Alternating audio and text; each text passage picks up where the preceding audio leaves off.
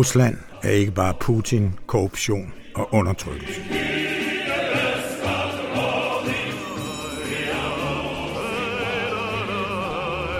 Rusland er også kunst, litteratur, videnskab, musik, skak og skønhed.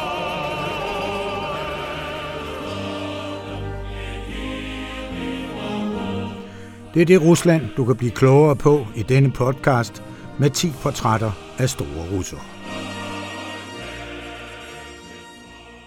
Vladimir Pop blev født i St. Petersborg i 1895 og levede i byen til sin død i 1970. Der havde den fået navnet Leningrad. Pop var en videnskabelig pioner, der blandt andet bidrog med store studier af strukturen i russiske folkeeventyr. Han er, skriver Erik Skyrum Nielsen, den folkelige fortællings kortlægger. Folkloristen, sprogforskeren og litteraturmanden Vladimir Prop, igennem 38 år ansat på Statsuniversitetet i Leningrad, i dag er der St. Petersborg, var knap blevet kold i sin grav, før der i vestlig litteraturforskning og grældest i dansk gymnasiepædagogik indledtes et omfattende misbrug af hans originale og epokegørende forskning. Det skete ved introduktionen og institutionaliseringen af den såkaldte aktantmodel, der hævdedes at kunne gøre rede for grundstrukturen i enhver fortælling. I midten står et subjekt, som begærer et objekt, og som selv til sin ene side har en hjælper og en modstander. Det giver en lodret begærsakse og en vandret konfliktakse. Men da det for objektet videre gælder, at det på en eller anden måde skal overføres fra en afsender til en modtager, må modellen også have tilføjet en kommunikationsakse for oven. Vupti, så er vi klar. Kom med, lige hvad du vil. En Hitchcock-film, en Irma-reklame, en roman af Pontoppidan. Alle følger det samme basale schema. Du skal bare finde frem til de seks aktanter, altså subjekt og objekt, hjælper og modstander, afsender og modtager, så kan du umuligt dumpe. Hvis du så derudover får sagt noget fornuftigt om dit analyseobjekt, vil det da klart være en fordel. Vladimir Prop var, det skal kraftigt understreges, ikke far til aktantmodellen, men derimod nok dens farfar. For det var ham, der i det skældsættende værk Morphologia Skjatski, folkeeventyrets morfologi fra 1928, oversat til engelsk i 1958, han kortlagde her de love, som styrer al begyndelse og udvikling i den folkelige fortælling. Hans materiale var eventyrsamlingen Ruskije Narodnaje Skatski 1855-64, og hans metode konsekvent strukturalistisk med lingvistikken som forbillede. Målet var en formel beskrivelse af enkeltdelene af relationer mellem dem og af forholdet mellem komponenterne og helheden, og resultatet blev hans opstilling af 31 såkaldte funktioner. Det er således en funktion, når Klods Hans følger brødrenes eksempel og drager ud for at fri til prinsessen. Ligesom det er en funktion at finde en magisk genstand, her oven i købet træ, træskoen, pludret og den døde krav. Prop definerer funktion som et optrin eller en episode, hvor i der indgår personer, og hvis betydningsindhold udgøres af den rolle, som funktionen spiller for de relationer, der eksisterer mellem de personer, som er engageret i episoden. Lyder det tørt?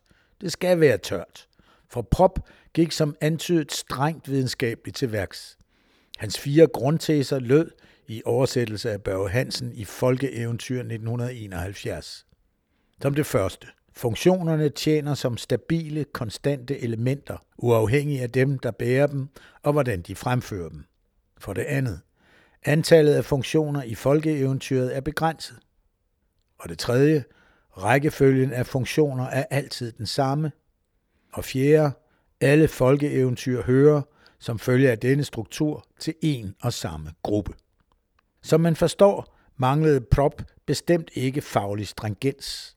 Hans undersøgelse står tværtimod som en art kongeeksempel på den formalistiske og strukturalistiske tilgang, når denne fungerer allerbedst.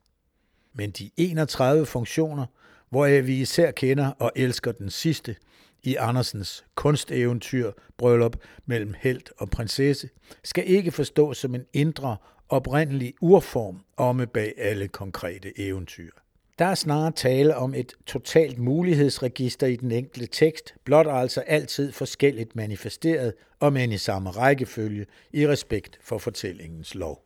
Props afhandling blev til kolossal inspiration for en række fremtrædende franske forskere, især Claude Bremont, født i 1929, men det var den litauisk fødte Algirdas Julien Gremas fra 1919 til 92, som med størst dygtighed udnyttede resultaterne og fik dem præsenteret tilpas pædagogisk. Det skete med Semantik Structurelle i 1966, hvor aktantmodellen lanceres til lige med den også skamredende sommerfuglemodel. Da dette værk i 1970'erne introduceres på dansk, indledes banaliseringen ikke blot af prop, men at fortælle analysen generelt. Og processen er ikke forbi. Forskeren formodes at rotere i sin grav.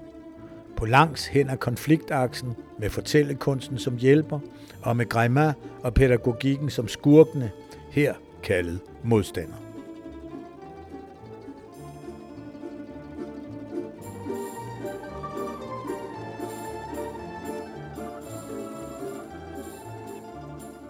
Har du fået lyst til at læse mere om det skønne Rusland, så køb bogen Russerne 37 introduktioner til russisk kulturhistorie på butik.information.dk.